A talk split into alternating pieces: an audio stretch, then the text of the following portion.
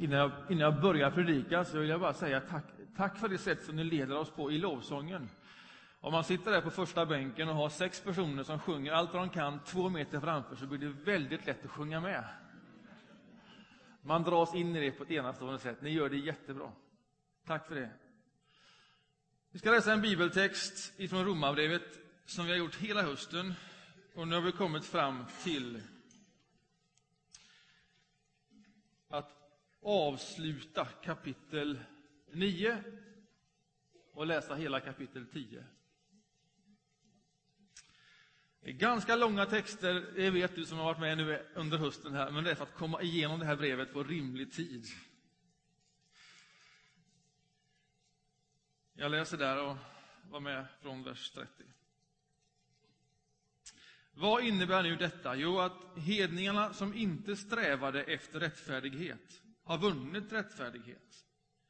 Men en rättfärdighet som bygger på tro. Israel däremot, som strävade efter en lag som ger rättfärdighet, kom inte fram till den lagen. Varför? Därför att de inte höll sig till tron, utan ville hålla sig till gärningarna. De snubblade över den stötesten som skriften talar om. Se, i Sion lägger jag en sten som man snavar på, en klippa som man stöter emot. Men den som tror på den ska inte stå där med skam. Bröder, mitt hjärtas önskan och min bön till Gud är att de skall bli räddade. Jag kan vittna om ivern i deras gudstro, men de saknar den rätta insikten. De vet inte vad rättfärdighet från Gud vill säga, utan söker hävda sin egen. Och därför har de inte underordnat sig rättfärdigheten från Gud. Kristus är slutet på lagen, så att var och en som tror kan bli rättfärdig. Ty om den rättfärdighet som lagen ger, skriver Mose, den människa som håller buden ska leva genom dem. Men den rättfärdighet som tron ger säger, fråga inte ditt hjärta, vem ska stiga upp till himlen, det vill säga för att hämta ner Kristus, eller vem ska stiga ner i avgrunden, det vill säga för att hämta upp Kristus från de döda. Vad säger den då? Jo, ordet är nära dig, i din mun och i ditt hjärta. Det vill säga trons ord, det som vi förkunnar. Ty om du med din mun bekänner att Jesus är Herre och i ditt hjärta tror att Gud har uppväckt honom från de döda, ska du bli räddad. Hjärtats tro leder till rättfärdighet och munnens bekännelse till räddning. Skriften säger ju ingen som tror på honom ska stå där med skam. Det är ingen skillnad på jude och grek. Alla har samma Herre. Och han ger av sin rikedom åt alla som åkallar honom. Ty var och en som åkallar Herrens namn ska bli räddad. Men hur, kan de, hur, men hur skall de kunna åkalla den som de inte har kommit till tro på? Hur ska de kunna tro på den som de inte har hört? Hur ska de kunna höra utan att någon förkunnar? Hur kan någon förkunna utan att vara utsänd? Det står skrivet, skönt ljuder stegen av dem som bär bud om goda ting. Men alla lyssnade inte till budskapet. Ty Jesaja säger, Herre, vem satte tro till det vi förkunnade? Så bygger tron på förkunnelsen och förkunnelsen på Kristi ord. Men då frågar jag, kanske har de aldrig hört den? Visst har de. Över hela jorden nådde deras röst, till världens ändar deras ord. Då frågar jag, kanske Israel inte förstod? Nej, redan Moses säger, jag ska väcka er avund mot ett folk som inte är något folk. Mot ett folk utan förstånd ska jag väcka er vrede. Och Jesaja går så långt att han säger, jag blev funnen av dem som inte sökte mig. Jag visade mig för dem som inte frågade efter mig. Men om Israel säger han, hela dagen har jag räckt ut mina händer mot ett olydigt och motspänstigt folk. Amen.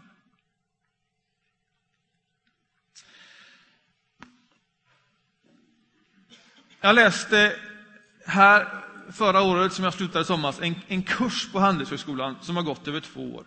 Och där vi möttes regelbundet i den här gruppen. Ja, när man möts regelbundet i den här gruppen och vi är där för att vi har olika yrken, så kommer man efter ett tag att vinna varandras förtroenden och tala om det man gör. Och det som är viktigt. Så efter något och ett halvt år så var jag ute på en lång resa.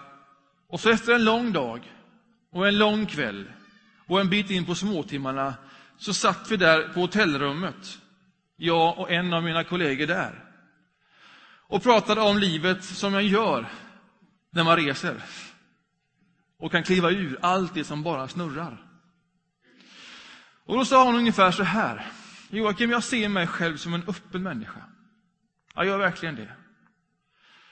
Jag tänker att det finns någonting större än oss själva. Jag tror verkligen så. Och jag ser behovet av det. Jag ser det i mitt yrke, jag ser det själv.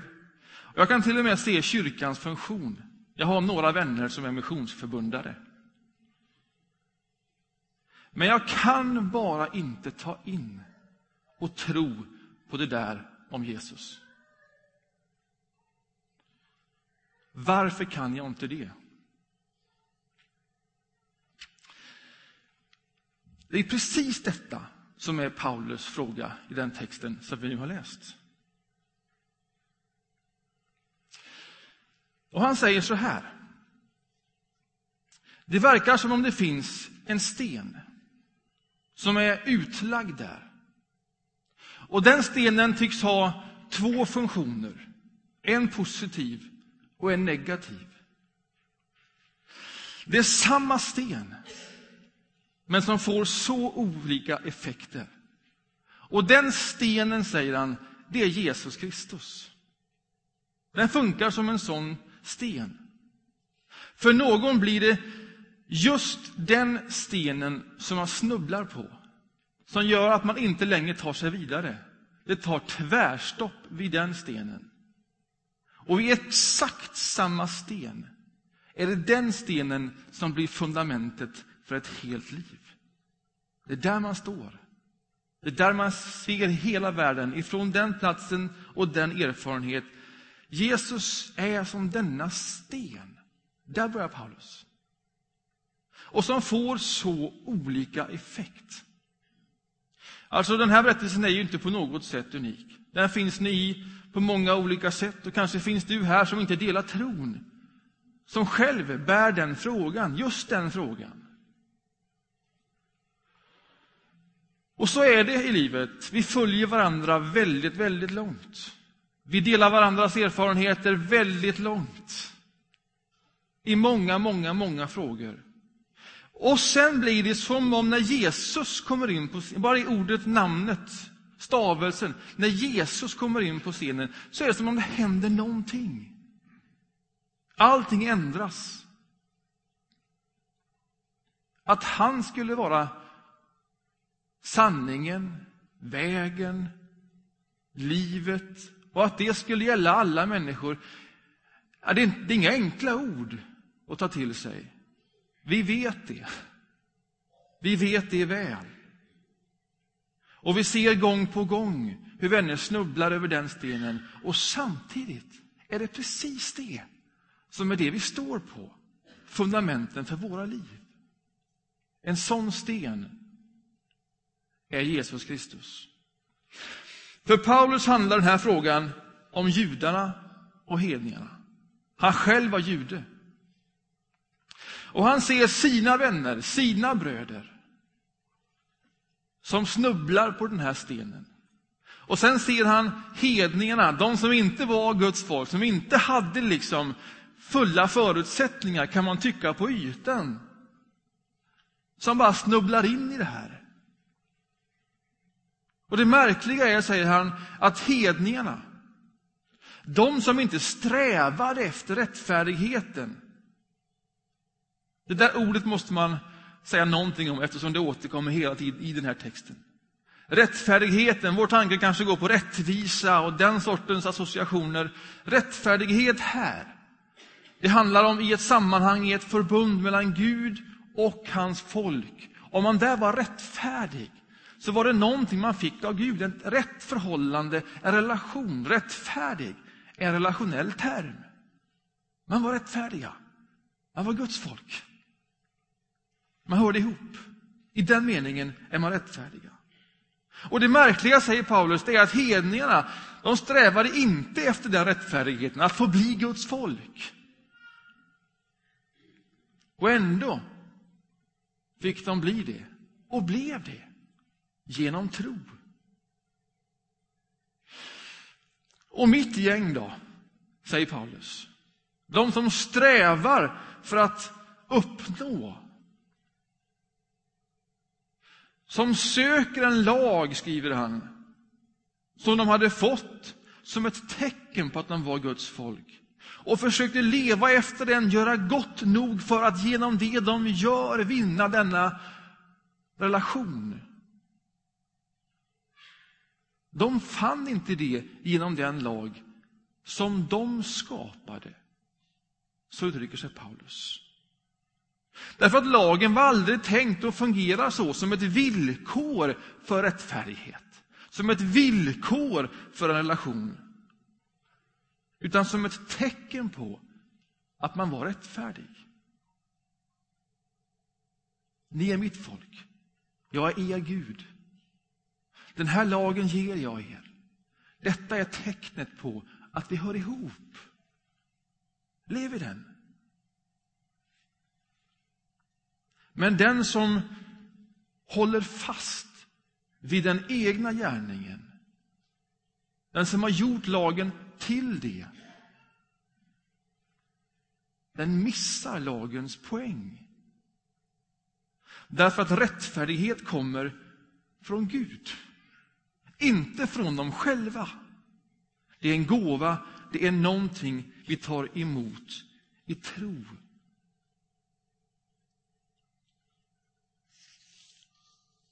Och Det är därför som han beskriver att Jesus är slutet på lagen. Eller målet för lagen. Alltså när Jesus kommer in i bilden så gör det någonting med lagen. Den har gjort sitt i den funktionen. Det som lagen gjorde och tänkte göra för ett folk, att vara ett tecken Någonting som man tog emot i tro. Samma sak gör nu Jesus. Och inte bara för ett utvalt folk, utan för alla människor. Om man tar emot honom i tro. Han är nu tecknet. Han är nu det vi förhåller oss till, inte lagen. Lagen hade gjort sitt. Och det som är så konstigt för Paulus, det han liksom inte kommer förbi. Eftersom han själv var jude och kände skrifterna och kände lagen och vet vad som stod där i. Han var ju drillad i detta till tusen. Det var att de alla hade fulla förutsättningar för att förstå. De var ju tränade i tro. Det var ju så lagen var tänkt. Så hur konstigt kan det vara detta talet om Jesus och ta emot. Var det någonting de kunde, så var det väl det, eller borde kunna. Där är hans frustration. De hade alla förutsättningar att ta emot denne Jesus i tro, och ändå gör de det inte. För Paulus handlar det här om judarna, om sina bröder. Och så andra människor, greker, hedningar, som inte söker utan blir uppsökta och bara tar emot. Och han kan bara inte förstå detta. För oss är frågan inte judar eller greker, judar eller hedningar primärt. Men vi har våra vänner, där vi tänker ungefär samma sak som Paulus. Varför ska det vara så svårt att förstå? Har du tänkt den tanken någon gång? Eftersom det för dig är självklart. Eftersom samma sten som din vän snavar på är den som du själv står på. Och kan inget annat. Det är där Paulus är. Och det bryter hans hjärta i två delar. Läste ni det alldeles i början? Och vad han önskar att hans bröder skulle förstå komma till insikt om. Och det är så smärtsamt för honom att den här stenen som är så viktig för honom också är den som de snubblar på. Det är liksom svårt att bära det. Vad gör han då? Ja, det första han gör är att han ber. Jag ber till Gud för mina bröder. Det är ingen dum sak att göra. Jag tror att det är det första man gör, och det gör vi här regelbundet i gudstjänsten. Om du har besökt oss tidigare och regelbundet, så har du sett att nästan varje gudstjänst i nattvarden så lyfter vi den här skålen som står här nere. Och i den här skålen har vi tecknat namn symboliskt på människor, på vänner till oss, som vi så skulle önska inte längre snubblade över den här stenen, utan fick stå på den och se världen därifrån. Och så skriver vi de här människorna som betyder så mycket för oss. Ett namn där, samma namn där. Sen delar vi den i två delar, vi lägger en där och sen tar vi med oss den ena hem. Och sen ber vi för den eller för dig så ofta vi kommer på det. Och så säger vi dessutom så hjälper vi varandra att bära varandras vänner i bön. Därför vi tror att det gör en skillnad när vi faktiskt ber för varandra. Det gör vi varje gudstjänst. Och vi ber om processen. Att när Gud söker människor, som man gör på massa olika sätt, att man kan ta emot det. Att man kan liksom känna att nu söker Gud mig och öppna sitt liv för det. Det är vad vi önskar i denna kyrka. Det är väl ingen överraskning för någon. Stenen är det första han skriver om. Det andra han skriver om är ordet. Det är nästa bild. Och det han vill säga med ordet, det är att genom Jesus Kristus, genom att Jesus nu har blivit målet för lagen, så betyder det också att Gud är nära varje människa. Ordet för Paulus är samma sak som Jesus. Stenen är Jesus. Ordet är Jesus. Det är bara ännu en bild för att komma åt vad det är Jesus gör och betyder för Paulus. Ordet är Jesus. Och ord är nära. Ord är alltid nära. Och ord är tillgängligt för alla människor. Så är det också med det här ordet. Och det här ordet är ett speciellt ord. Som när man tar emot det, när man tror på det och uttalar det ordet. Jesus är Herre. Jesus betyder någonting för mig. Så gör det ordet någonting med dig. Alltså Jesus är inte längre ifrån dig än det ordet är. Så nära är Jesus. Att när du säger det så är han där. Detta är ett mysterium.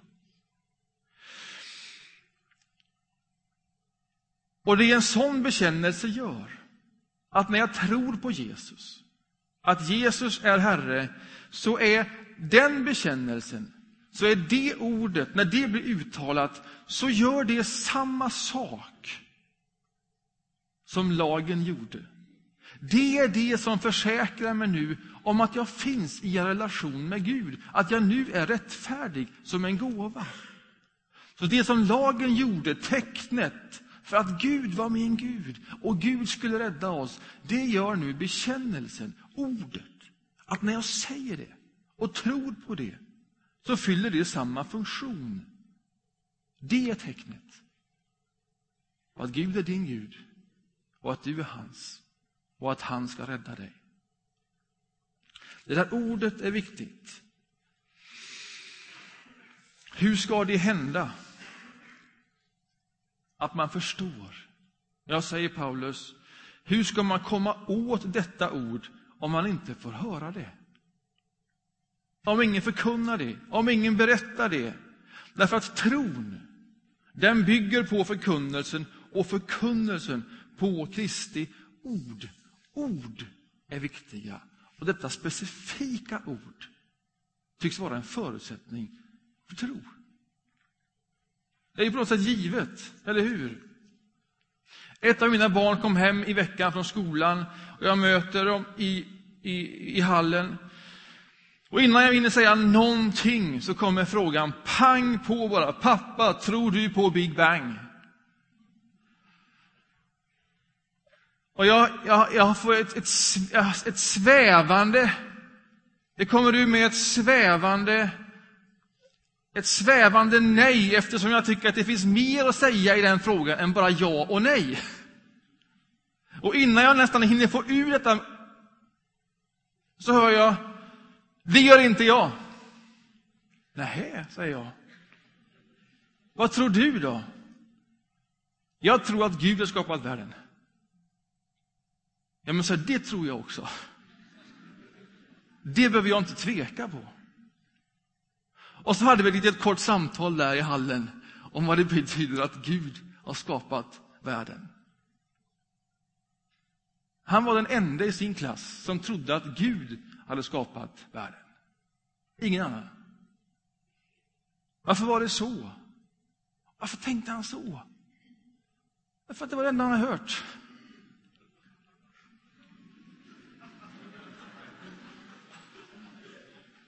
Och varför tänkte alla andra klassen tvärtom? För det var det enda de hade hört. Ord är viktiga. Och detta specifika ordet, Jesus, är kanske det viktigaste ordet av alla. Det finns en kraft i det ordet som kan skapa en ny värld om man bara får fatt i det. Om man tar emot det i tro. Då är det det som gör att stenen inte längre blir det man snubblar över utan därför man står och ser en ny värld. Så han ber. Han ber för sina bröder och mer än så. Han förkunnar. Han ger dem orden. Och kanske är det så att du är den enda i det sammanhang som tänker annorlunda om tro. Du kanske är en av få som bär på detta ord.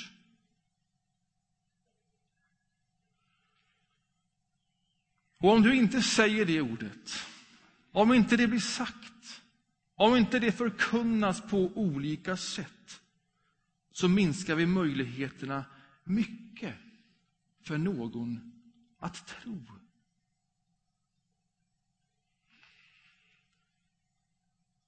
Sen om det blir en sten man snubblar på eller står på, det är en annan sak. Så hur gör man det här? Hur ger man ifrån sig ett sånt här viktigt ord? Ja, men det blir ju en viktig... Alltså om ordet är så viktigt, om det behöver sägas, om det tycks vara så att tron bygger på att man säger någonting och att man säger någonting bygger på vad Jesus har sagt och vem han är. Hur gör man det? Ja, men någon idé om det behöver man kanske ha för att det ska ske. Jag var och reste i en kyrka i USA här i höstas.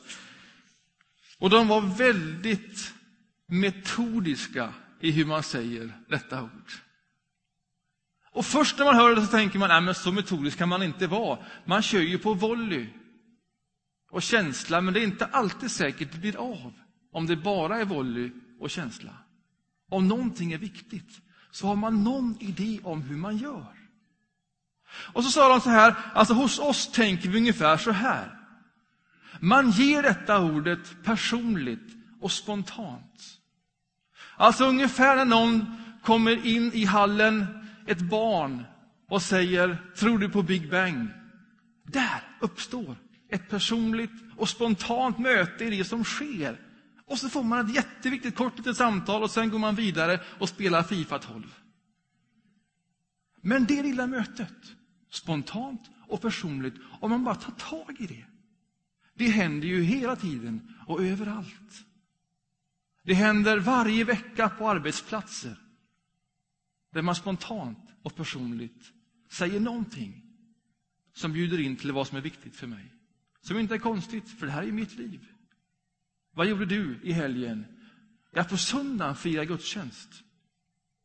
Det är en bra start. Personligt, spontant. Och sen tänker vi så här, sa de, personligt och planerat. Alltså, när man faktiskt planerar att säga någonting av vikt. Ungefär som vi hemma planerar att vi avslutar dagen. När vi orkar. Och när vi inte är för stressade med annat, att be med våra barn. På tu man hand. Det är personligt och det är planerat. Eller att någon av dina kollegor som du har talat med om tro länge, att du tänker, ja men här finns ju ett intresse att också föda. Klipp ut en bra krönika av Thomas Sjödin i GP och ge den, om man inte redan har läst den. Personligt. Men det är planerat, du har tänkt en tanke till. Därför att det är ett viktigt ord för dig. Det tredje vi gör, säger de, det är att vi, vi bjuder in till en erfarenhet av en kristen gemenskap. Därför att vi tänker att det två eller tre är samlade, ungefär som en gudstjänst, där finns också jag, Gud, Jesus. Där kan det bli synligt. Och det fjärde vi gör, det är att vi berättar personligt om vår tro. Och faktiskt hjälper och talar om hur man själv kommer till tro. Så tänker vi. Och det är inte så dumt att ha någon tanke om hur du förmedlar ett ord. Kanske det då det blir av. Så är Paulus fråga tillbaka igen, jaha, har de inte hört ordet då? Ordet om tro. Ja, visst har han gjort det, säger Paulus. De har hört det och de har de bästa förutsättningarna för att tro. De är tränade i detta. Visst har de hört och ändå tror de inte. Det är ju det som skapar denna känsla hos honom. De snubblar över stenen ändå. Varför? Varför? Ja, några lyssnade inte. Ointresse. Det första svaret. Så kan det vara. Några lyssnade, men förstod inte. Och så säger han, det var som att de höll fast vid sin egen ansträngning. Det var så de uppfattade lagen. Och när de inte ville släppa taget om sin egen ansträngning, när de inte ville släppa taget om den som var så viktigt och ta emot i tro, så kom inte insikten. Så sitter vi där på natten, och vad svarar jag min gode vän då, som undrar, som öppen människa, varför hon inte kan tro på Jesus. Ja, jag säger i ett långt samtal, men jag tror att det har någonting med kontroll att göra. Man kan liksom inte förstå sig fram hela vägen till Gud. Man kommer en bra bit. Det är intellektuellt redbart, men man kan inte förstå sig hela vägen fram till Gud. Någonstans behöver man släppa kontrollen om den egna ansträngningen. Ge upp det och ta emot. Det är det som är tro. Alltså, jag kan inte omvända en människa hur väl jag än argumenterar. Inte ens Gud kan omvända en människa. Han överger aldrig. Aldrig, aldrig. Så här säger han om folket som överger honom, judarna.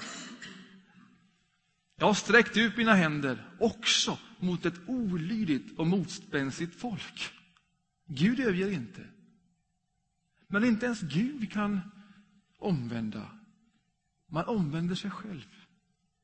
Det ansvaret har varje människa. Den möjligheten har varje människa. Och man gör det när man släpper taget om någonting som är viktigt och genom det kan ta emot. Det är det här som ligger i bekännelsen Jesus är Herre. För de som hörde det här så var Caesar herre. Och man kunde bara ha en herre. Och om Jesus var herre, då fanns det någonting annat som inte var herre. Vad är det som inte längre kan vara herre för dig? För att Jesus ska bli det. Ja, jag tänker mig för de flesta av oss så är det en egen kontroll. Det är vår stora Gud. Att vi tror så mycket om oss själva. Att släppa kontrollen, det betyder att du inte kommer att helt förstå Jesus först. Utan att du behöver tro för att förstå. Tvärtom. Jag menar, Paulus han förstod ju inte allt och sen när han hade förstått allt, då trodde han. Med honom var det precis tvärtom. Han var den som förföljde kristna människor för att de hade så fel, brutalt. Och sen överraskas han av en Gud som söker upp honom. Han kapitulerar, släpper kontrollen, tror och genom det får en ny värld. Först när man i någon mening släpper kontrollen, man ger upp att förstå allting först, så kan stenen bli en sten man inte snubblar på, utan står på. Ett fundament för en ny värld. Och du som inte tror, men känner att ordet är nära, att ordet finns någonstans på tungan och på hjärtat, men inte kan ta steget fullt ut och säga det för dig själv och någon mer. Du är liksom inte riktigt där, men du är nästan där och du vet inte hur det ska gå till. Om du är där. I en sån här gudstjänst finns det många uttryck för tro. Vi använder dem hela tiden, eftersom vi hela tiden gör den sortens troshandlingar och bekännelser. Och det kan bli det som blir ingången. Man tar emot bröd och vin som symboliserar Jesus Kristus och hans liv för dig. Man tar emot det i tro och tar det till sig. Eller man, man går fram här vid orgeln där Ingmar och någon mer än ett kommer att stå och smörja med olja. Den oljan är ett tecken på Guds närvaro. Och att man går dit är ett steg i tro. Man gör det som om man faktiskt trodde på att här finns Gud. Eller man böjer knän eller sätter sig på en stol med våra förebedjare. Det är en handling i tro. Och när man gör det i tro, utan att fullt ut förstå, så kan det där öppnas en ny verklighet. Det är på ett sådant sätt man också tänder ett ljus. I tro om att det gör skillnad. Det finns gott om tecken. Och om du vill, ta vara på det. Och låt den här gudstjänsten bli den gudstjänsten då du får fatt i ordet. Och du som tror och som tänker på vänner, familjemedlemmar som du önskar skulle tro. Om de inte står på en lapp här så finns det möjlighet vid orgeln där också att skriva i det och lägga i den skålen. Så ber vi nu och sen gemensamt tillsammans för våra vänner. Amen.